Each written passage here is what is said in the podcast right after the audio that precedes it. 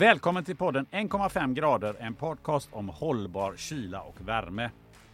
Det senaste året har debattens vågor gått höga kring hur vi ska lösa vårt enorma behov av förnyelsebar energi.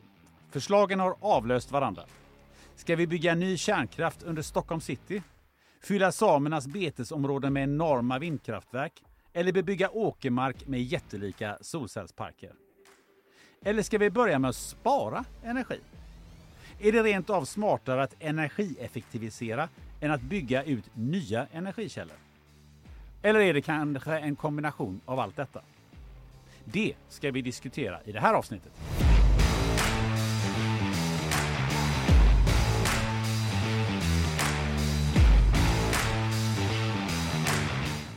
Till vår hjälp så har vi dagens gäst Lotta Bångens, VD för Energieffektiviseringsföretagen, förkortas EEF. Välkommen hit! Tack så mycket. Vad vore ett avsnitt utan Andreas Bäckängs kloka inspel och innovativa tankar? Andreas är VD på Enrad som utvecklar kylaggregat och värmepumpar där man använder naturliga köldmedier. Välkommen hit du också! Tack Gunnar! Har du några nya idéer eh, gällande energieffektivisering och, och energiproduktion eh, sådär på lokal nivå? Nej, inte. Jag har ju vindkraftverken har ju varit aktuellt hemma. Det är, ja, de håller ju på, eh, Tekniska verken i Linköping, och haft eh, lite möten och grejer. Så att, eh, vi får väl se vad det blir av det. Det är ju inte så snabbt gjort kan man säga. Att, du ska sätta upp ett vindkraftverk? Nej, men de ska göra det från, från Tekniska verken Linköping och då har man ju möjlighet att starta ett eh, bolag och så köpa in andelar helt enkelt. Så att, eh, det som jag skulle vilja komplettera. Men jag har sagt det innan att jag har, det är så mycket annat man har redan så nu är det vind, vindkraften är ju liksom eh, nästa steg på något sätt. Är det grannarna som tjötar? Eh, om vindkraften? Ja. Nej, det tror jag inte. Det är snarare tvärtom. Vi har haft upp något annat avsnitt att det är många som inte vill ha det. Det är lite förutfattade meningar även om vindkraft. Men det, det var det jag menade. ja, ja precis. Jo, jo, men det där, vi ska ta, vi ska ta, hantera dem i ett avsnitt här nu efter sommaren faktiskt. Så att, eh, det låter ja, spännande. Ja, det ska vi göra. Men vi tar oss till dagens ämne. Eh, Andreas, varför sitter vi här idag? Eh, ja, men energieffektivisering. Vi har ju, eftersom vi verkar i en, en bransch med kyla och värme och framförallt eh, Värmepumparna ser man ju både på EU-nivå och Elon Musk. Alla pratar om värmepumparna som en av de viktigaste lösningarna på, på framtiden när det gäller miljö och energi. Eh, och då är det ju ofta uppe eh, från olika håll med att ah, men då går det åt mer el och då blir det besvärligt och hit och dit. Va? Men så tänkte vi måste, vi måste lyfta lite kring det här med hur vi hanterar elen och eh, allt pratas ju om vad vi ska bygga och vad vi ska göra framåt och det är, det är väldigt långt fram då. Eh, men att energieffektivisera kan vi göra redan idag. Oftast till ganska bra pengar med, så därför är Lotta här. Då. Eh, Lotta, börja med att förklara. Vad är energieffektiviseringsföretagen för organisation? Vi är en intresseorganisation för eh, dels företag som säljer energieffektivisering på något sätt. Produkter eller tjänster, det kan vara energikonsulter eller man säljer lampor, fläktar, isolering, vad det nu är för någonting. Eh, men också beställare, alltså de som köper energieffektivisering kan vara med hos oss. Mm. Eh, jag tänkte vi kastar oss in här i eh, eh, diskussionen kring energieffektivisering. Och någonting som ligger väldigt nära där är ju energibesparing.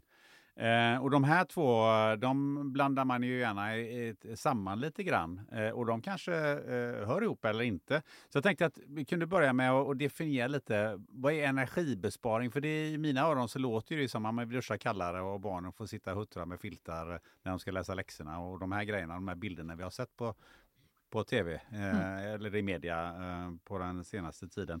Eh, kan du ge oss en liten förklaring här? Ja, men jag tycker du sa det bra där.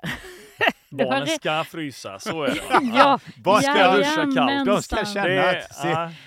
Så är det. Nej, men jag definierar det som du. Alltså energibesparing, då drar vi ner.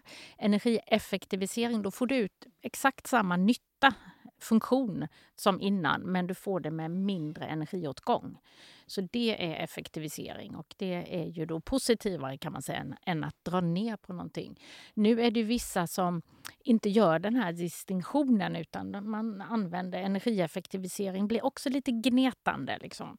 Fast vi får precis samma sak eh, efter som före. Så det är min definition. Du märker inget förutom att energiräkningen går ner. För jag tittade lite grann på det här att, att Sveriges elförbrukning 2022, eh, det var 136 eh, terawattimmar eh, och 2021 låg den på 143 eh, terawattimmar. Så man, eh, vi lyckades ju då spara 7 terawattimmar eh, under, under året då när det var eh, dyrare. Eller effektivisera kanske? Eller effektivisera, men det, jag tror den där besparingen gick nog väldigt fort då när elen kostade 3-4 Mm. kronor kilowatten. Men år 2030 eh, Eh, så eh, beräknar man att eh, vi kommer behöva ungefär, ungefär 229 terawattimmar. Alltså det är cirka, vi ska öka med 90 terawattimmar på sju år ungefär. Så. Och jag tänkte att vi, har, vi kan ha de här siffrorna i, i bakgrunden. Och för att börja i det här besparingsspåret lite grann.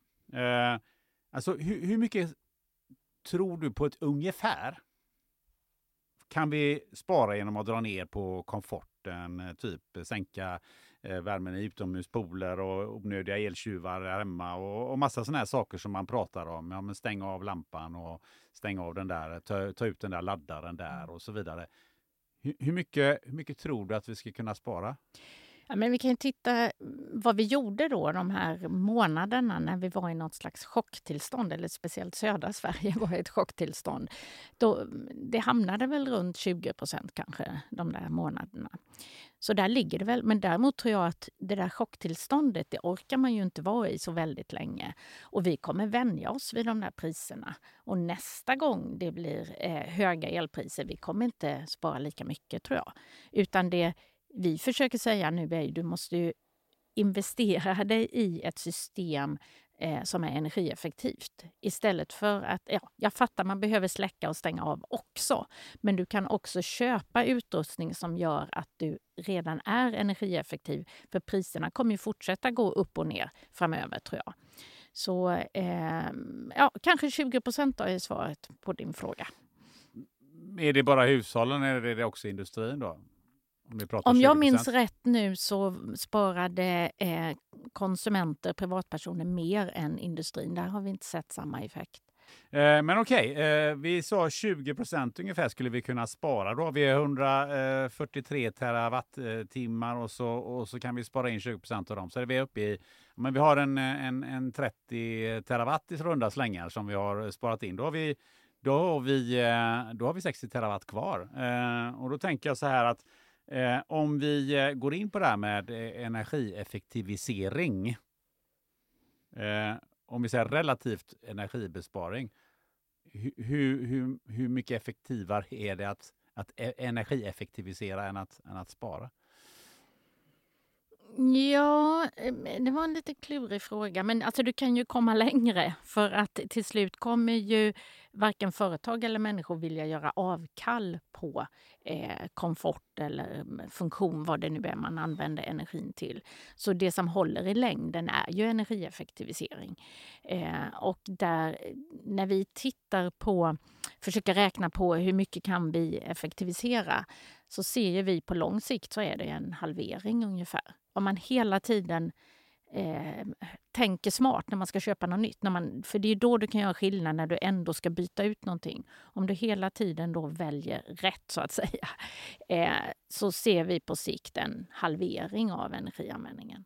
Vi skulle, vi skulle kunna halvera vår energianvändning? Ja, ja. Sen kommer den ju öka förstås inom för att vi ska ha fossilfritt stål och vi ska eh, transportsektorn ska övergå till. Så det kommer ju öka på vissa områden. så. Men eh, utifrån dagens användning så eh, ser vi en halvering är fullt möjlig. det är ju den som gäller att möta hela tiden egentligen. Att det vi ska öka på ett annat ställe, där måste man försöka hämta så, länge, ja. så mycket det går på andra ställen genom effektivisering. Men men jag, jag, är fortfarande, vi måste ju lyfta det här. Jag tycker det är värmepumpar, va? det är nästan ständigt återkommande i branschen. Men det är ju fortfarande, om man tittar på mycket annat, i huset innan jag började renovera hemma så var det ju direktverkande el en gång i tiden. Det var ju länge sedan. Men, men det är klart att det gör enorm skillnad och det finns eh, fortfarande tror jag, otroligt mycket sunkiga lösningar här ute som, som man skulle kunna hämta hem mm. rätt mycket el på. Men sen kommer man till en gräns. Jag ser det hemma. Jag kan inte... Jag är nere på 8000 kilowattimmar i vårt hus eh, med, med tonåringar. Liksom. Så att det börjar bli... Eh, jag har, nu har jag svårt att se och jag tycker det här är ganska kul så jag mäter på alla olika uttag. Så jag vet vad tvättmaskinen tar, jag vet vad torktumlaren tar, jag vet vad avfuktaren tar ute i stallet. Alltså, jag mäter, jag vet till och med vad gräsklipparen tar hemma, liksom, eh, roboten. För jag vill se, jag vill mäta, det är ju att veta. Eh, och det, det bör man kommer komma till en gräns, sen går det inte att göra mer liksom, utan för då blir det, då kan man ju snart tälta istället. Va? Så att, eh, det är, eh, det är, effektiviseringen är ju vägen framåt, för besparingen kommer inte folk att eh, man, man vill ha det på ett visst sätt och men det finns en lägsta nivå för alla. Men du som har mätt så noga, ja. Eh, de siffrorna skulle jag vilja se. Det skulle jag, det är ja, jättespännande. Kan ja. man inte få göra det? Jo, jo, jag tänker det är mer på hus. Jag tänker det lilla. Okej, det kan väl andra också påverka givetvis då, men det känns som det är på liten nivå. Jag skulle komma upp på den på för, alltså de som är de riktiga storförbrukarna. Men det är ju det här med, eh, så är det ju, man vill ja. upp på de stora förbrukarna, men många bäckar små. Så är det ju också givetvis, att eh, absolut. Absolut. Och sen känner jag, det är det som är lite klurigt med energieffektivisering, att det syns ju inte.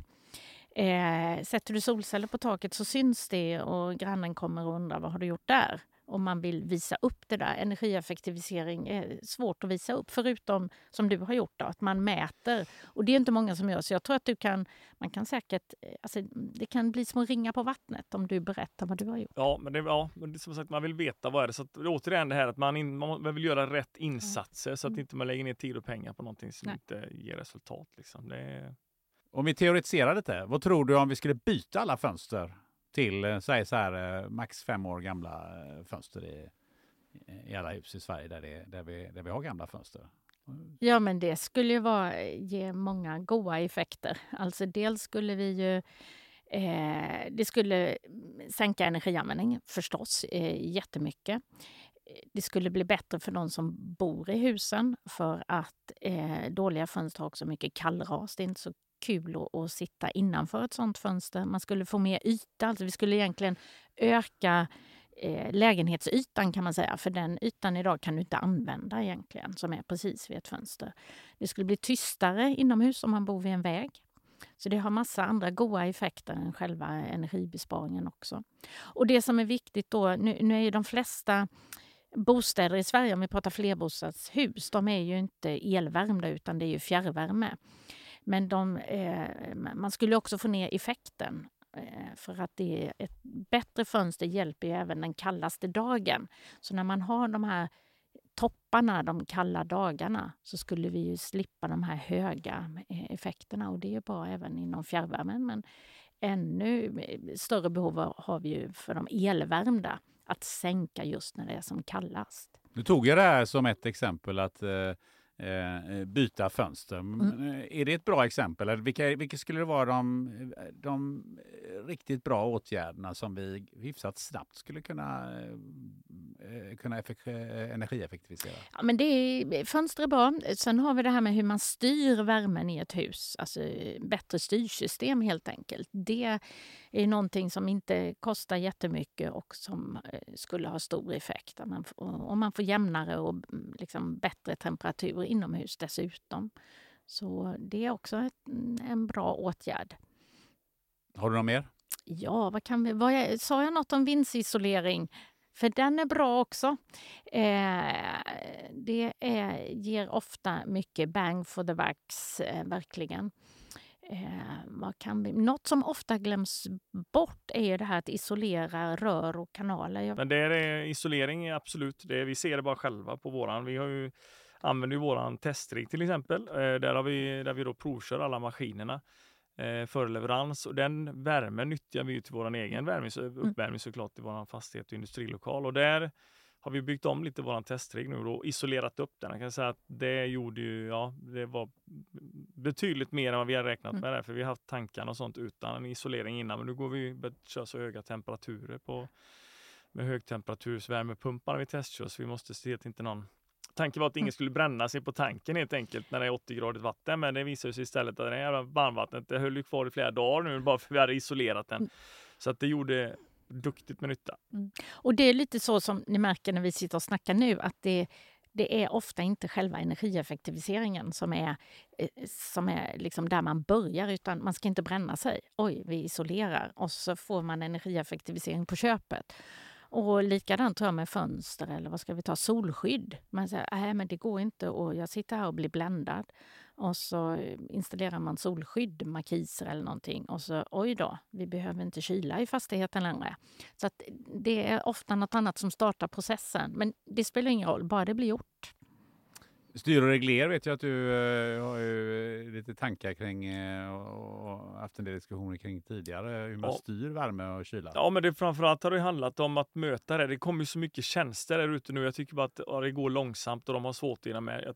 Kan, man kan ju nämna flera då, men värmepumpar återigen vad gäller besparingen eh, på energin så har ju nästan alla en smart price adaption idag med som justeras utifrån prisbilden. Den där skulle man också kunna egentligen eh, och det blir ju också konsekvenserna när du har smart price adaption, att du vill ju hålla nere elförbrukningen när den är som dyrast och när den är som dyrast är när det gått som mest. Så den fyller ju liksom, den är också till för att spara pengar.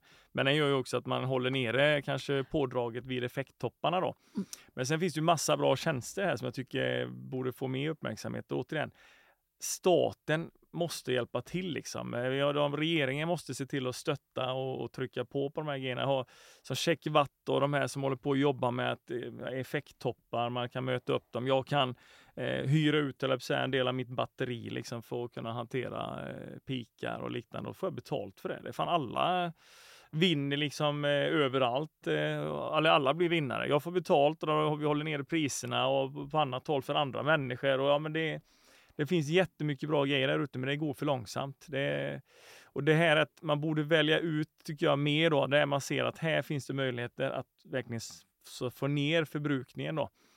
Eh, då skulle man se till att stimulera det mycket, mycket hårdare än vad man gör idag. För idag är det ju liksom, det är marknaden som styr men jag tycker att man borde gå in och reglera liksom att fan, det här, de här områdena ska vi satsa på. Sen är jag lite orolig för att hur smarta de är som ska ta beslutet på det då. Men, men man kan ju ta in andra människor som har den begåvningen helt enkelt. Det finns ju så några att, resurser, eller hur Andreas? Ja, ja, precis. Det, så kan det vara. Mm. Det, går för långsamt. Eh, om vi skulle eh, skynda på, vad skulle vi kunna åstadkomma snabbt? För det, det är ju ändå så att vi ibland måste vi bygga om och ibland, alltså det, mm. det, det, det är inte bara att knäppa med fingrarna som att liksom stänga av lyset för att, för att få ner förbrukningen. Men, men var skulle vi som kunna sätta in stöten de närmaste tre åren? Vad skulle vi liksom få, få, få snabbast ja, men det, effekt? Det mest uppenbara är ju de eh, alltså direktillvärmda småhusen. Det är bara, de ska ju inte finnas kan jag tycka. Alltså, hur många är de? Ja, hur många är de? Det borde jag ju veta. Eh, är det en halv miljon? Jag, nej, jag är osäker på den siffran faktiskt. Jag har inte den i huvudet. Ja, men vi säger att det, det är 300 000 då? Ja, vi, Så, vi det, säger det. Det finns ja, ett gäng. Men vad, vad liksom, hur, hur, eh, om vi då skulle, vad gör vi då istället? Vi har värmepumpar. På Precis. Ja, men då om man vill ut, ha ut ännu mer av värmepumpen så är det lite man borde göra innan. För att eh, det här du snackar om att med, eh, de styrs idag efter priset och man kan eh, så att säga stänga av värmepumpen en stund. Och det kan du, har du ett välisolerat hus så får du mycket större sån effekt. Då kan du stänga av värmepumpen en längre tid. Precis som du märkte när ni isolerade där att det gick. Då var vattnet varmt väldigt länge i den där tanken. Precis så blir det med en byggnad. ett välisolerat hus har mycket, kan vara mycket flexiblare liksom att stängas av. Så det är ju... Och, och, så det borde man ju titta på först och då kanske det också blir en liten mindre värmepump. Någonting som är intressant, eh, vi pratade om här elcheckar och vi har fått eh, pengar för att det var så dyrt med el. Om vi skulle göra de här åtgärderna, skulle elen bli mycket billigare då igen? Yes, skulle den. Så det är ju liksom, eh, det är väl energieffektiviseringens dubbeleffekt. Alltså dels sänker du ju dina egna eh, kostnader direkt. Men sen så hjälper det ju till att sänka elpriset, alltså mm, kronor per kilowattimme i hela samhället. Så det, det mm, är bra på två sätt. Så mm, det finns ju en eh, rapport där som visar att om vi skulle i Europa sänka eh, elförbrukningen med ungefär 10 procent då skulle elpriset var, gå ner till den nivå det var innan Ukraina-kriget startade. Så det är rejäla effekter. Eh, på själva elpriset. Och det får ju vi alla till godo då. Det låter ju i mina öron, ursäkta, jag, jag, jag är ingen expert, jag är bara en vanlig moderator, men det låter ju som en no-brainer eh, för mig. Istället för att dela ut pengar för att folk ska eh, för att folk har för höga elpriser så kanske man skulle investera så att vi får lägre elpriser. Och 10% låter ju i de här siffrorna som vi har bollat hittills eh, inte jättemycket eftersom vi kunde spara 20% genom att bara spara el.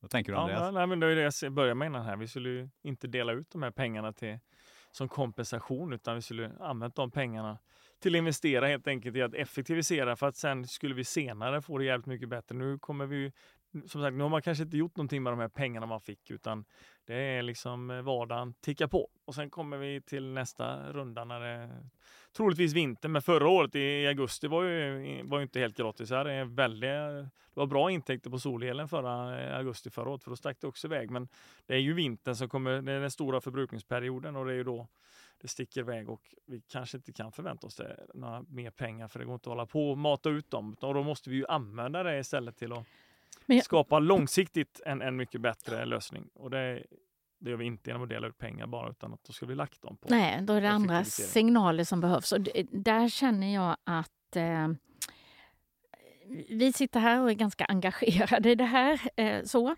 Men gemene man är ju inte det, eller gemene kvinna. Eh, utan det, jag brukar jämföra med när någon ringer mig och vill eh, prata pensionsförsäkringar. Hur kul är det?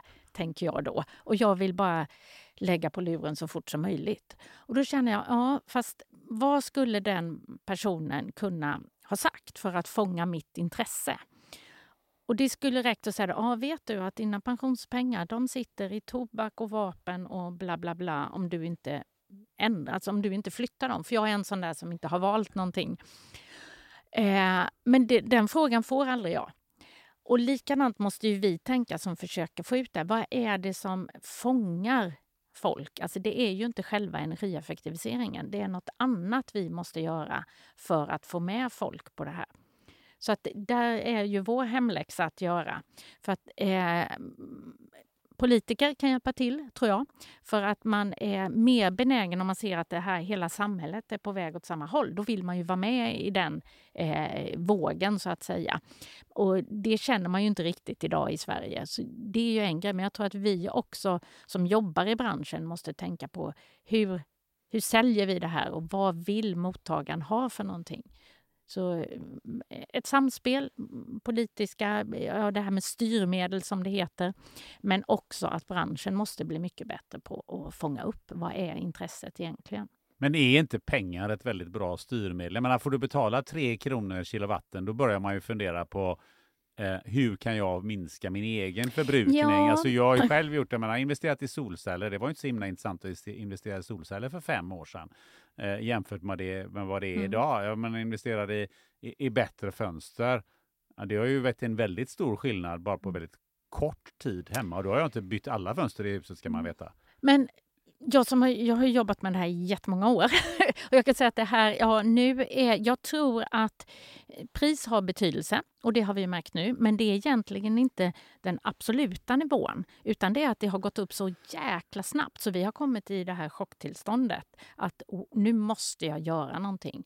Eh, men alltså, energieffektivisering har ju varit lönsamt i 30, för, alltså det har alltid varit lönsamt att energieffektivisera. Men vi går ju inte omkring och tänker så här lönsamhet, lönsamhet hela dagarna. Utan vi gör, tar beslut utifrån massa andra anledningar. Om jag ska köpa en ny, eh, vad det nu är, tv. Jag går ju inte och tänker, ah, undrar hur mycket energi den där drar. Inte ens jag som jobbar med det, utan det det kanske kommer någon gång långt ner på listan. Liksom. Eh, att ja, det finns en märkning där eller vad, vad, hur mycket drar den här tvn? Och det är där tror jag att vi... Det är lönsamt, men vi gör, köper grejer av andra anledningar helt enkelt. Jag tänkte på det här med, med eh, att ta ansvar och, och, ni är ju en organisation som, som jobbar för det här med energieffektivisering, eh, effektivisering, vilket ju är ett, ett sätt att ta ansvar. Har du några exempel på, på eh, projekt eller samarbeten eller där, där, eh, där ni har varit med och hjälpt till? Ja, men dels är det som jag sa inledningsvis det här att vi försöker få olika företag att hitta varann. Och just det här nu är att mm, försöka hitta företag som är liksom spindeln i nätet när eh, de som köper det här inte vill köpa en elektriker där och en VVS-are där och liksom plocka ihop hela paketet. Eh, där hjälper vi liksom sådana företag att hitta då vilka ska vi samverka med för att kunna sälja den här helhetslösningen. Så det är väl ett sätt. Och sen så försöker vi ju när vi ja, om vi träffar departement eller politiker, då tar vi alltid med oss någon medlem eller något företag som har gjort riktiga grejer. För det är ju alltid bra att visa vad, vad, vad är energieffektivisering egentligen? Vad är det man gör när man energieffektiviserar? Eh, när jag tittar på branschen i alla fall som jobbar mycket då på energisidan där vi, där vi är med, med kyla och värme så är det att det är ju det är väldigt spretigt många gånger. Så man jobbar ju, visst man har massa byggregler och allting man ska förhålla sig till, men när man väl kommer ner på själva lösningsnivån här sen att hur ska systemen jobba tillsammans och så här, så är det ju fortfarande så sjukt jävla mycket stuprör. Vilket gör att man, man, där pratar vi effektivisering. Om man hade blivit bättre på att standardisera det här och hur man jobbar med de här olika energilösningarna och, och samverkar. För det är det för lite i den här branschen idag. Och det i sin tur är också, också kopplat till hur snabbt kan vi göra grejer? För om det hade varit liksom lite mer eh, standardiserade tänk på vissa saker så hade man också kunnat ha en mycket högre och ha en bra repeterbarhet. Då kan man ha mycket högre hastighet på att göra om det. Eh, och det vi försökte statuera det här exemplet då genom att vi gjorde då världens miljövänligaste möbelfabrik här som vi fick det här European Heat Pump Award eh, pris för. Då, och, det, och då hade vi själva, då var det inte massa parter inblandade, utan då kunde vi själva visa hur vi ville bygga ett system där vi har både processkyla, processvärme, och vi har eh, komfortkylan, vi har fastighetsvärme, vi har frikyla och vi använder liksom samma kilowatt flera gånger. Eh, och det här går ju att göra på precis hur många ställen som helst i samhället. Mm. Alltså, om man tänker lite större. Vi pratar ofta om att du har en livsmedelsbutik som ska dumpa massa värme. Mm. Ja, den kör vi bara rätt ut. Men det finns ändå bostadshus som ligger nära. Det kan vara så att det är bostadshus i samma fastighet, mm. men då är det fastighetsägaren i det här fallet. Han har ingenting med det här systemet att göra ibland, eh, utan butikhandlaren har sitt egna. Då vill man inte koppla ihop de här grejerna för det blir inte intressant. Eh, alltså det, det finns ju hur mycket sådana här grejer som helst.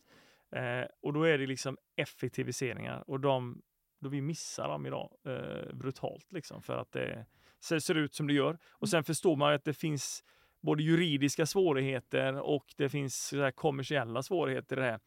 Och då är ju, jag är inte mycket för att stat och förening egentligen ska lägga sig i, men i vissa fall kanske komma till ett läge där man måste få en snabb förändring. Då får man kanske göra det eh, i vissa enskilda fall. Mm. Att få bort stuprören och så, det, det här låter ju intressant. Det måste ju vara ja, det är det jag ja, tänker. Det är därför jag skulle vilja veta paketeringarna Lotta pratar om. Att hur ser de ut? Kommer, de, kommer de ändå sitta på varsitt hörn sen mm. och göra de här grejerna? Eller kommer de att samverka den här De kommer paketen? att samverka, det är mm, ju ja. vitsen. Och också att du som kund har en du ska ringa om det är något som inte funkar. Eh, och då får ju den spindeln i nätet så att säga reda ut. För det är ju det man alltid har eh, oro som köpare eh, det hamnar mellan stolarna och vems fel var det här nu då? Då vill man ju ha en att ringa som är ansvarig för helheten. Så det tror jag är jätteviktigt och det är ju faktiskt upp till oss i branschen att fixa det och börja samverka. Och där är ju en grej som vi har, jag nämnde den här auktorisationen vi har att där ingår i, eh, ja, vi har en uppförandekod och där står det då att man ska som företag följa upp det man har sålt. Och det är något som vi faktiskt är skitdåliga, om jag får använda det ordet, på. När vi har sålt någonting, då är det projektet färdigt och så lämnar vi det och går vidare till nästa. Vi kollar inte hur gick det verkligen? Är kunden nöjd? Vad hände? Och dels missar man ju kunden på det sättet, men man missar också en jäkla massa kunskap. För det får man om man är kvar och ser hur gick det här på riktigt. Man lär sig jättemycket om det. Så det har vi liksom skrivit in i. Är man auktoriserad, då ska man följa upp det man har sålt och se att det funkar. Så... Då måste jag bara fråga, får de betalt för det då? Liksom? Får, får de, för det är ju mycket, det är precis som du säger, jag upplever det och vi ser det där hela tiden. Alla är, okej okay, nu är det nytt, det är installerat, nu drar vi. Eh, allting är färdigt. Men det är egentligen, sen kommer det, vi har haft uppe någon gång innan 20-30 procent eh, energi eh, går ju till spillo liksom, genom att man inte har en, så att säga, man driftsäkrar och följer upp anläggningen. Mm. Nu har vi av egenintresse så gör vi det med alla anläggningar, att vi har en, en, en uppkoppling, 4G-uppkoppling till våra aggregat eller våra anläggningar. För att vi vill följa den här under första året för att se hur det går. Mm. Men vi får inte betalt för det. Alltså, vi, vi kan inte ta betalt idag för vi sitter som en försäljare av en, en, en eh, maskiner till en installatör och installatören i sin tur har ju en slutkund. Och installatören vill inte betala för någonting Nej. och installatören ska då, för då får den skjuta över det på sin slutkund. Och den slutkunden tänker jag, men jag har ju fått nya grejer, varför ska jag betala för en uppföljning på det här? Mm. Där tänker jag att har ni Ja, men ett jag- jättejobb att göra. Ja, jag vet. Men någon måste börja, tänker jag. För att det här är ett fel. Det kommer bli billigare för alla om vi gjorde så här. Så det gäller ju att, eh, så att säga, vi eh, tvingar ju då de auktoriserade företagen att faktiskt eh, se till att det här kommer med. För det är klart det är en kostnad, verkligen så.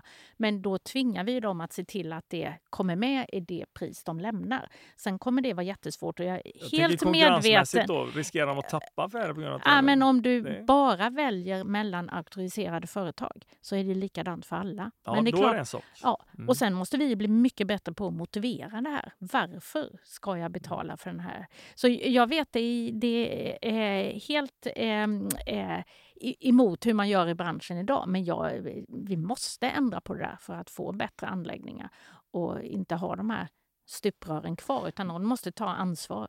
Men är man inte lite fast i, i, eh, i sitt eh, affärstänk och, och, och sin affärslogik? Alltså att man säljer, man säljer det man alltid har sålt. Ja, men nu har du sålt, nu har vi köpt det här och sen har du köpt det och sen satte vi upp ledningarna och sen så funkar det. Jag, jag, jag, jag tänker tillbaka till det lilla. Jag har installerat solceller som jag nämnde. Och, och hur glad hade inte jag varit om, det, om den här solcellsleverantören hade sagt så här, ja dessutom så ingår det att vi ser till att att du får att du att du, du kan du lär dig lite grann om den här anläggningen och så ser vi till att du, du kan skeppa ut elen och så ser vi till att du kan ställa frågor och sådär. Dit behöver man inte tala om att det kostar 5000 spänn extra. Det spelar ju ingen roll. Jag hade ju ändå köpt solcellerna där, men jag hade ju sagt så här. Wow, jag behöver inte, jag behöver inte ta reda, på, behöver inte ringa eh, 17 elbolag och, och, och, och hålla på med det där. Alltså, är inte, och det, det, ju, det var ju ganska lättförtjänta pengar Mm. för Nej, men, och det är en annan grej vi jobbar med med våra medlemmar. att Just det här med hur ser affärsmodellen ut och vad ska man börja tänka när man gör affärsmodellen. Och nu generaliserar jag, jag hoppas ingen medlem blir ledsen på mig. Men det gör inget alltså- här, för vi ska vara, den här podden är till för att trycka till lite ibland också. Det gör inget. Nej, men man är, man är Mm. så jäkla nöjd och med sin lösning. Och det ska väl den där beställaren fatta. Fasiken, här sitter jag med lösningen på världsproblemen. Köp den. Och de kommer till mig och säger du måste utbilda beställarna. Och jag, ja, kanske. Men kanske vi ska ändra vad vi säljer. Som jag var inne på, vi måste ju fånga intresset hos kunden och se vad är det som skaver hos... Vi ska ju lösa kundens problem. Eh, och det kanske inte är min fantastiska uppfinning eller min fantastiska lösning eller den är en del i något. Och då måste jag ju ta tag i mina andra branschkollegor eh, och lösa kundens problem. Så vi måste verkligen se hur vi säljer och vad vi säljer. Det kanske inte är en värmepump. Det kanske är färdig. Det kanske är 21 grader i rummet man ska sälja eh, på sikt, tror jag. Men det har ju, tycker jag, en koppling till, till energibolagen. Mm. För, för det är lite samma sak där. Alltså, vad, vad säljer de? Ja, man säljer kilowattimmar. Mm. Rätt upp och ner. Så. Idag gör de det. Eh, Kanske inte om 20 år. Nej, vad ser du framför dig där? Att de säljer eh, eh, ljus, värme, kraft. Hur ska det gå till? Ja, genom... Alltså jag tror att eh, alltså det blir en annan... Vad ska man säga?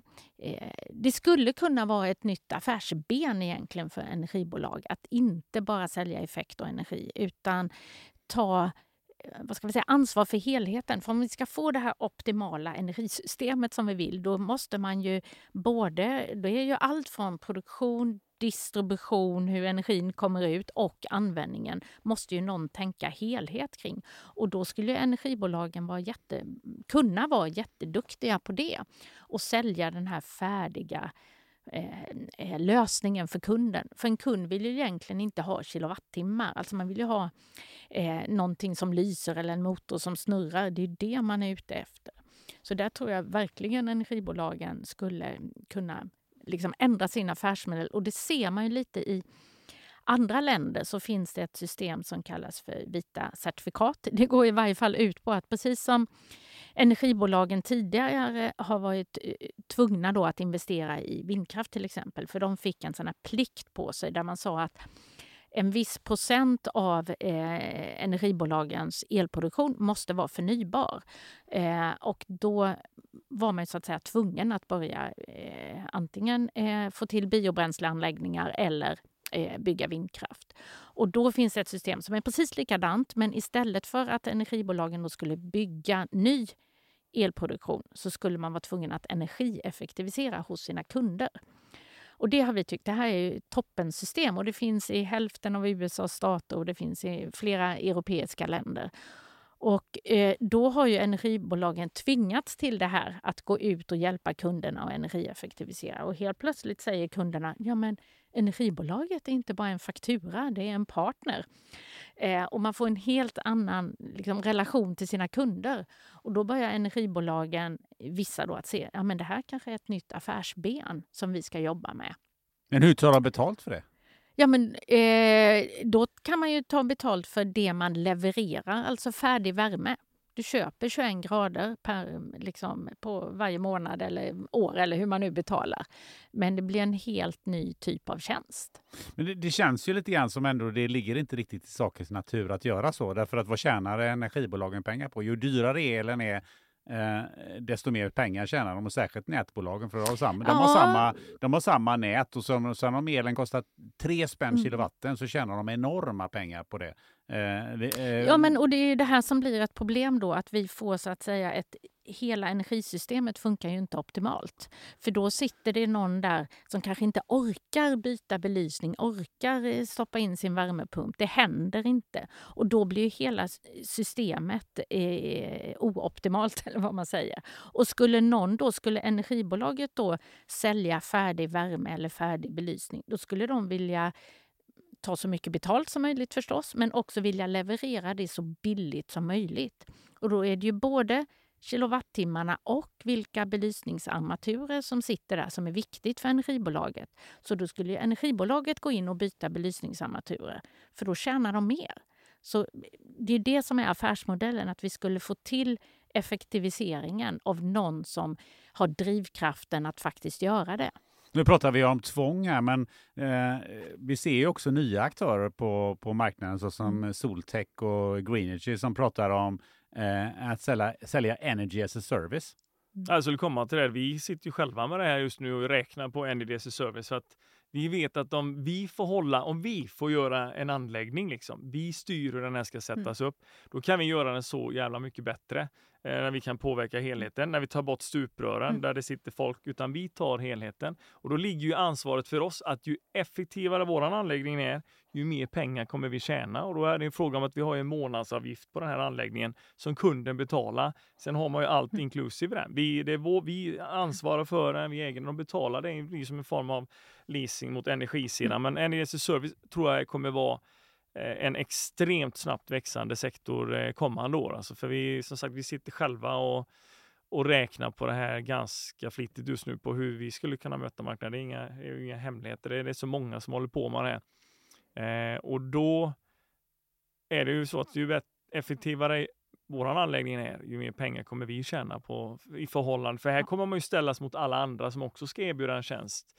Eh, och då gäller det att vara effektivast för då kommer du också tjäna mest pengar. Så att, eh, jag är, rätt övertygad om att det, det är här det ligger. Och jag tror inte kanske elbolagen eller energibolagen har riktigt samma intresse för det finns otroligt mycket aktörer här ute som är emellan eh, elbolagen, det vill energibolagen och slutkunden. Där jag tror, där har man den största tillväxten på Energy Service. Men eh, det här det bubblar överallt. Mm. Mm. Nej, man, undrar ju, man undrar ju om energibolagen har de den typen av organisation? de, har levererat, de har levererat energi eller el i, i, i hundra år. Inte idag, men jag tänker ju lite sådär Jo, men alltså det är väl lite det här att, det. att, att menar, pressen kanske kommer mycket mer utifrån att det kommer nya aktörer, lite det som vi är inne på här, ja. Energy as a service. Och, och, till slut så blir de här, kan ju de här bolagen bli obsoleta. För det, för det är ju en annan typ av organisation att sälja det som Andreas pratar om. Men det är klart att energibolagen ser det här och vet om vad som sker på marknaden. Så jag tror att de sitter hemma på kammaren och funderar. Men alla nya... marknader som, som har snabba eller ja, snabba omställningar, så att säga. När det är snabba omställningar, då dör ju ibland vissa drakar. Alltså jag tänker ofta på det här med hur stora Ericsson och Nokia var på telefonsidan. Liksom. De hängde inte med alls sen. Liksom, eh, Apple och, och, Samsung, ja, det, då drog de iväg. Och det, jag, jag tänker att det kommer vara likadant eh, även i den här sektorn. Det, vi kan ju gå bara till köldmediet här där många är väldigt trötta och inte har agerat medan många mindre bolag har agerat och det kommer finnas en del stora vinnare bland oss tror jag.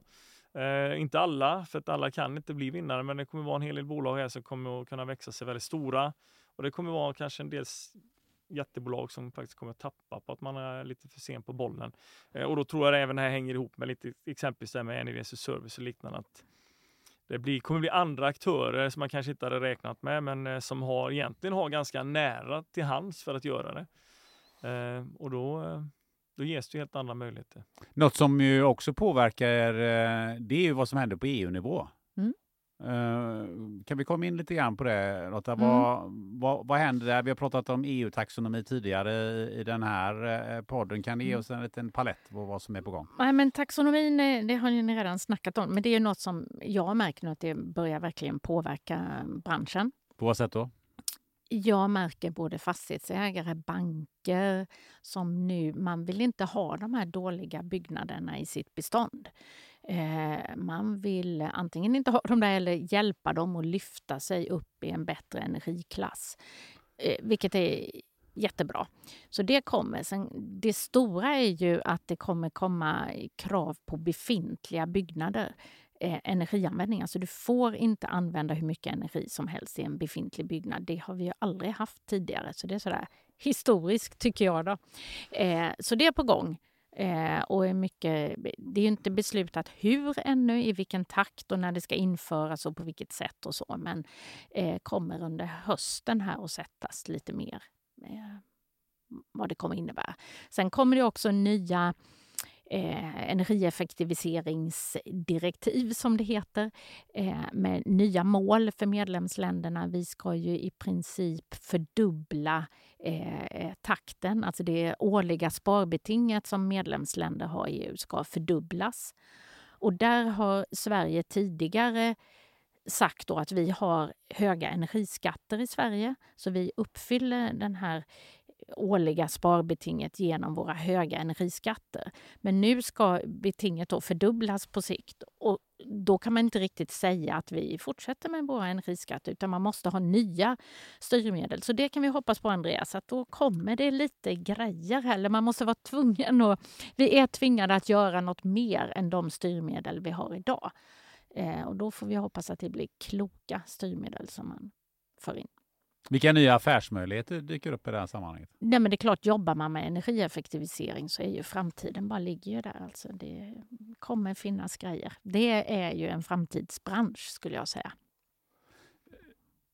Om vi nu bara syr ihop det här lite grann. Vi, vi pratade lite siffror i början här och, och hur mycket vi förbrukar och hur mycket vi kommer att behöva. Vi kommer behöva 90 terawatt ungefär, säkert 100 terawatt till, eh, inom de närmaste sju åren. Och så har vi nu pratat om energieffektivisering och, och, och, och så vidare. Eh, hur relevant är, är det här då att diskutera hur mycket ny energi vi ska tillföra systemet? Det vill säga, vi ska bygga kärnkraftverk, vi vill bygga vindkraftverk och det ska byggas eh, solcellsparker. Eh, Ganska stora, för att säga enorma investeringar som man nu då diskuterar. Och det finns ju massa människor som inte vill ha kärnkraft och det finns en massa människor som inte vill ha vindkraft och så kanske det finns några stycken som inte vill ha solkraft heller. Um, men de har ju inte fattat det, för det finns inte bara en, det finns inte en lösning. Liksom. Nej, men jag det, tänker på att det... Äh, det som vi har pratat om nu, det, det, känns som att kärnkraft är ju någonting som vi knappt eh, behöver om vi lyckas få ner vår energiförbrukning genom att effektivisera. Eh, eh, har vi, eh, hur, ser den debatten ut? För nu pratar vi bara om att tillföra mer. Hur borde debatten se ut? Egentligen? Ja, men jag tycker att vi borde prata mer energieffektivisering. Dels är det eh, snabbt om vi pratar om kapacitetsproblem i elnäten och bygga ut elnätet. Tar ju väldigt lång tid och kostar mycket pengar. Så där borde vi ju effektivisera först och se kan vi lösa de här problemen med effektivisering, med eh, det här flexibilitet och flytta laster i tid och, och ladda bilen på natten och allt det där. Så tror jag vi kan komma jätte, jättelångt. Och sen tycker jag också eh, det här med hur mycket el vi behöver framöver. 90 terawattimmar som du säger, det är en ganska låg siffra jämfört med vad andra säger. Eh, men den siffran bygger ju också på att det här fossilfria stålet till exempel ska i princip fördubbla sin försäljning. Och där tycker jag, kommer det verkligen bli så? Alltså vi måste också ifrågasätta den här fördubblade elanvändningen eh, i Sverige. Det kanske kommer bli så, men eh, jag har inte sett några som har riktigt ifrågasatt den siffran. Det tycker jag vi också måste göra. Nu har vi pratat eh, vad händer på EU-nivå. Om vi lyfter där, vi har ett en och en halv graders mål, precis som den här eh, podden heter. Vi har någonting som heter IPCC och, och så vidare. Hur, hur, ser du på det Lotta? Är, är vi på rätt väg eller vad händer? Nej, men det, det som är spännande då med energieffektivisering och eh, lite konstigt att det inte eh, snackas mer om i Sverige, det är att både IPCC, alltså FNs klimatpanel, och IEA, ett stort internationellt energiorgan, eh, säger ju att vi kommer aldrig någonsin nå klimatmålen utan energieffektivisering. Det är den enskilt största åtgärden vi måste jobba med. Och det, eh, och det märks ju inte riktigt i Sverige. Så det eh, skulle jag vilja säga är eh, viktigt att inte glömma bort. Att vi klarar inte det här utan energieffektivisering. Och det gäller ju energieffektivisering av all energi. Även eh, om vi har fin el i Sverige i huvudsak eh, och vi har biobränslen i, i vår fjärrvärme och så vidare. Så måste ju all energi användas effektivt. Annars räcker ju inte den här fina energin till alla så att säga. Så det är viktigt viktigt att säga. Det känns som att vi ska titta lite framåt då. En och en halv graders målet. Vi kommer aldrig att nå det. Men vad är det vi då har gjort? Det sa jag inte. Jag sa inte nå det utan energieffektivisering. Kötta på nu. Nej, det sa ja, jag håller med dig. Det, det är ja. helt riktigt. Men, men det är ändå så att vi, vi de närmaste fem, eh, tio eh, åren måste göra rätt mycket. Och, och, om vi pratar utifrån din horisont och energieffektivisering som vi har pratat om nu. Vad, vad ser du framför dig? Vad är det vi kommer ha gjort i ett riktigt bra scenario? Jag ser det här, alltså om man då jämför med om vi tar kärnkraft, vindkraft eller vad det nu är, men energieffektivisering är ju det som varken syns eller märks.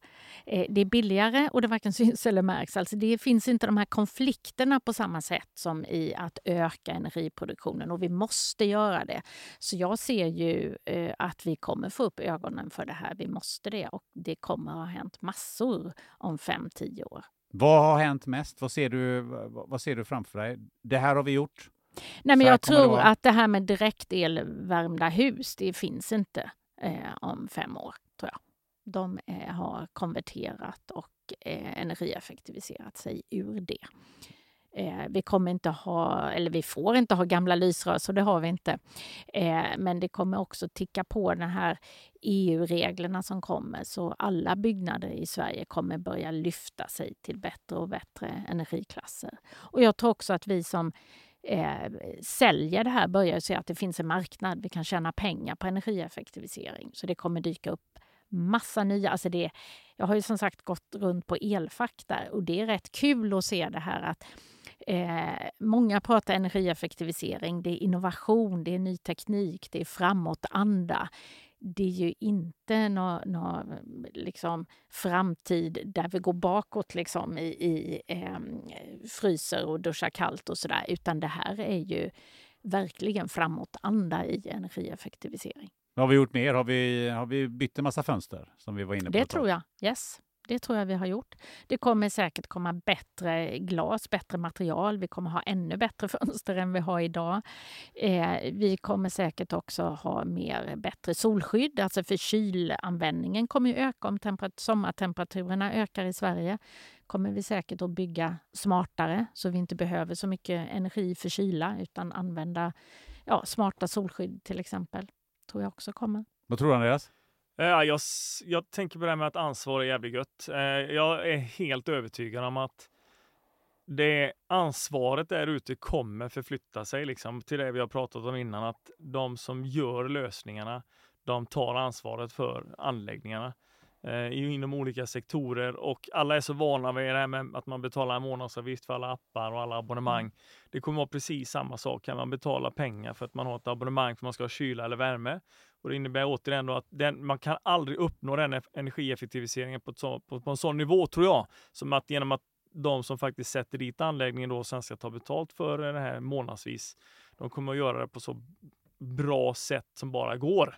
För det ligger i deras egna intressen. Så att där, eh, jag, är, jag tror det där har vi eh, den största förändringen, ansvaret. Och det måste, eh, vågar jag påstå, det måste förflyttas på det viset att det ska vara ett helhetsansvar för de som levererar de här olika lösningarna.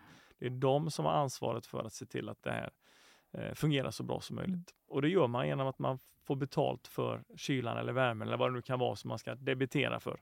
En lite spetsig, men jag tror ändå ganska relevant fråga i det här sammanhanget är att kommer energi att vara mer eller mindre gratis framöver medan man faktiskt säljer, eh, som du säger, då 21 grader i ett hus. Jag tänker att det kommer finnas så många olika sätt att, att skapa energi. Man pratar ju till exempel om, om, om färg som är som är solfångande, som tar upp solens strålar som du sen då skapar energi utav och så vidare. Det finns ju redan idag. Eh, kan man se framför sig att de här eh, energibolagen faktiskt tjänar pengar på tjänsten och energin kommer att bli allt, en allt mindre del åtminstone utav, eh, utav kostnaden? Så kan det vara att eh, det är svårt att säga om, men eh, att energi kommer, det ser vi ju redan nu, det kommer minska i betydelse och det är effekten som blir en större och större del av ditt fasta avgifter och effekt, en större del av vad du betalar till energibolagen. Ju. Så den trenden tror jag kommer. Där får vi se en eh, ganska kraftig förändring av affärsmodellen. Ja, nej men jag, jag tror det. Eh, och sen är det också, alltså även om energi blir gratis eh, så är det också hur... Eh, alltså, det är ju inte bara energin som är eh, en vad ska vi säga, bristvara kanske på sikt. Det är ju även andra resurser. Eh, så det är hela vad ska vi kalla resurseffektivitet som måste till i samhället. Det krävs resurser för att eh, bygga solceller eller vad det nu är. Det krävs ju också resurser för en värmepump förstås. Så det, och det tror jag kommer in mer och mer, det här lite cirkulära tänket i okej, okay, vi kan energieffektivisera men det finns en gräns för det också. För att det kostar i resurser att bygga ett nytt ventilationsaggregat eller vad det är. Och där är ju vi bara i början i, i branschen liksom att eh, ta in det här cirkulära. Och hur kan vi använda produkterna längre och eh, vara flexiblare där? Ja, för det, är det så att man säljer Energy as a service eller en, en lösning as a service så borde det rimligtvis bli också så att man helst vill leverera prylar som håller ja, mycket längre och man vill reparera dem. Det är en självklarhet ja. att du vill, ha, du vill ha så lång livslängd och så hög effektivitet som möjligt för då tjänar du pengar. Så det är därför jag tror att det är, och det, och det är nu har vi nämnt den här gången, så jag tänker, ja, likadant med elbolagen, då, att det här med nätägande och alltså, det måste det ju också till en ganska rejäl förändring. Alltså jag, jag, det går inte att ha det här upplägget, det är för stelt och gammaldags som det är idag. Ska du kunna komma åt sådana här, vi pratar mer mikrogridverk, alltså där du faktiskt ska kunna koppla ihop mindre områden för att på ett bättre sätt nyttja energin. Då kan du inte ha med el, alltså de här energijättarna. Det så det kommer ju bli konflikter där också, men jag tror fortfarande att marknaden kommer liksom att, kommer att kunna styra det. Eh, om vi tar och summerar det vi eh, har pratat om här eh, under den här stunden. Eh, Lotta, vad skulle du vilja säga då? Vad är det vi ska skicka med lyssnarna? Ja, men börja nu. Det finns inget att vänta på. Man hjälper ju då både sig själv och sen hjälper man ju till att sänka el, el energipriser för alla i samhället. Och eh, man kanske, eh, vad ska jag säga, Eh, kan vara tveksam till vad man ska göra, var man ska börja. Men herregud, gör, börja med någonting. Och så kanske det inte blir rätt, men man har tagit ett steg och lärt sig någonting. Eh, och berätta mer om vad du gör, skulle jag säga också. För att eh, energieffektivisering syns ju inte. Eh, men man ska ändå skryta med det så att vi får lite ringar på vatten, vattnet, det behöver vi. Mm, Jag skryter mycket om att jag har bytt eh, fönster eh, i huset, mina grannar. Bra där! Ser, ser de att du har bytt fönstren Gunnar? Eh, solpaneler Ja, är en sak, men ser de att... Eh, Ja, ja, solpaj. Har du igång dem Jo, jo, Ja. jag menar, se, ser de att du har bytt fönstren? Solpanelerna ser ju dina grannar inte visst att du har gjort, men, men ser de att du har bytt dina fönster? Har du lagt någon annan färg på dem nu? Nej, det har jag inte Nej. gjort, men jag, jag, jag pratar ju mycket som du, eh, Ja. som du vet Andreas. Så Ja. då, då, jag kör den varianten Ja. istället då. Eh, sen kan de ju lyssna på den här podden också. Ja. Eh, Andreas, du får eh, eh, slutordet, sammanfattning. Vad tycker du vi ska skicka med lyssnarna? Eh, man, ska, man ska se det här med energieffektivisering är jävligt kul. Eh, alltså, det är lite som en tävling där också. Nu är det bara för att jag är väldigt tävlingsinriktad då, men jag tycker att varje kilowattimme man har sparat så har man vunnit. Liksom. Jag har vunnit mot massa andra. Det är lite så. Eh, och det är väldigt kul att veta och när man gör en energieffektivisering så är det också så att den är ju bestående. Så att gör du den Eh, en gång, va, sen, så har du, sen har du fått med dig det varje år. Så det är ingenting man behöver upprepa och göra samma sak. För du bytt dina fönster till exempel, men då har du liksom de här i 15 år sen förhoppningsvis. Så det är det här att det är inte så att du behöver på och jobba med det hela tiden, utan du gör en grej och så ser du fått resultat. Ja, perfekt. Och då kommer det ticka på nu varje år framåt, det du har sparat.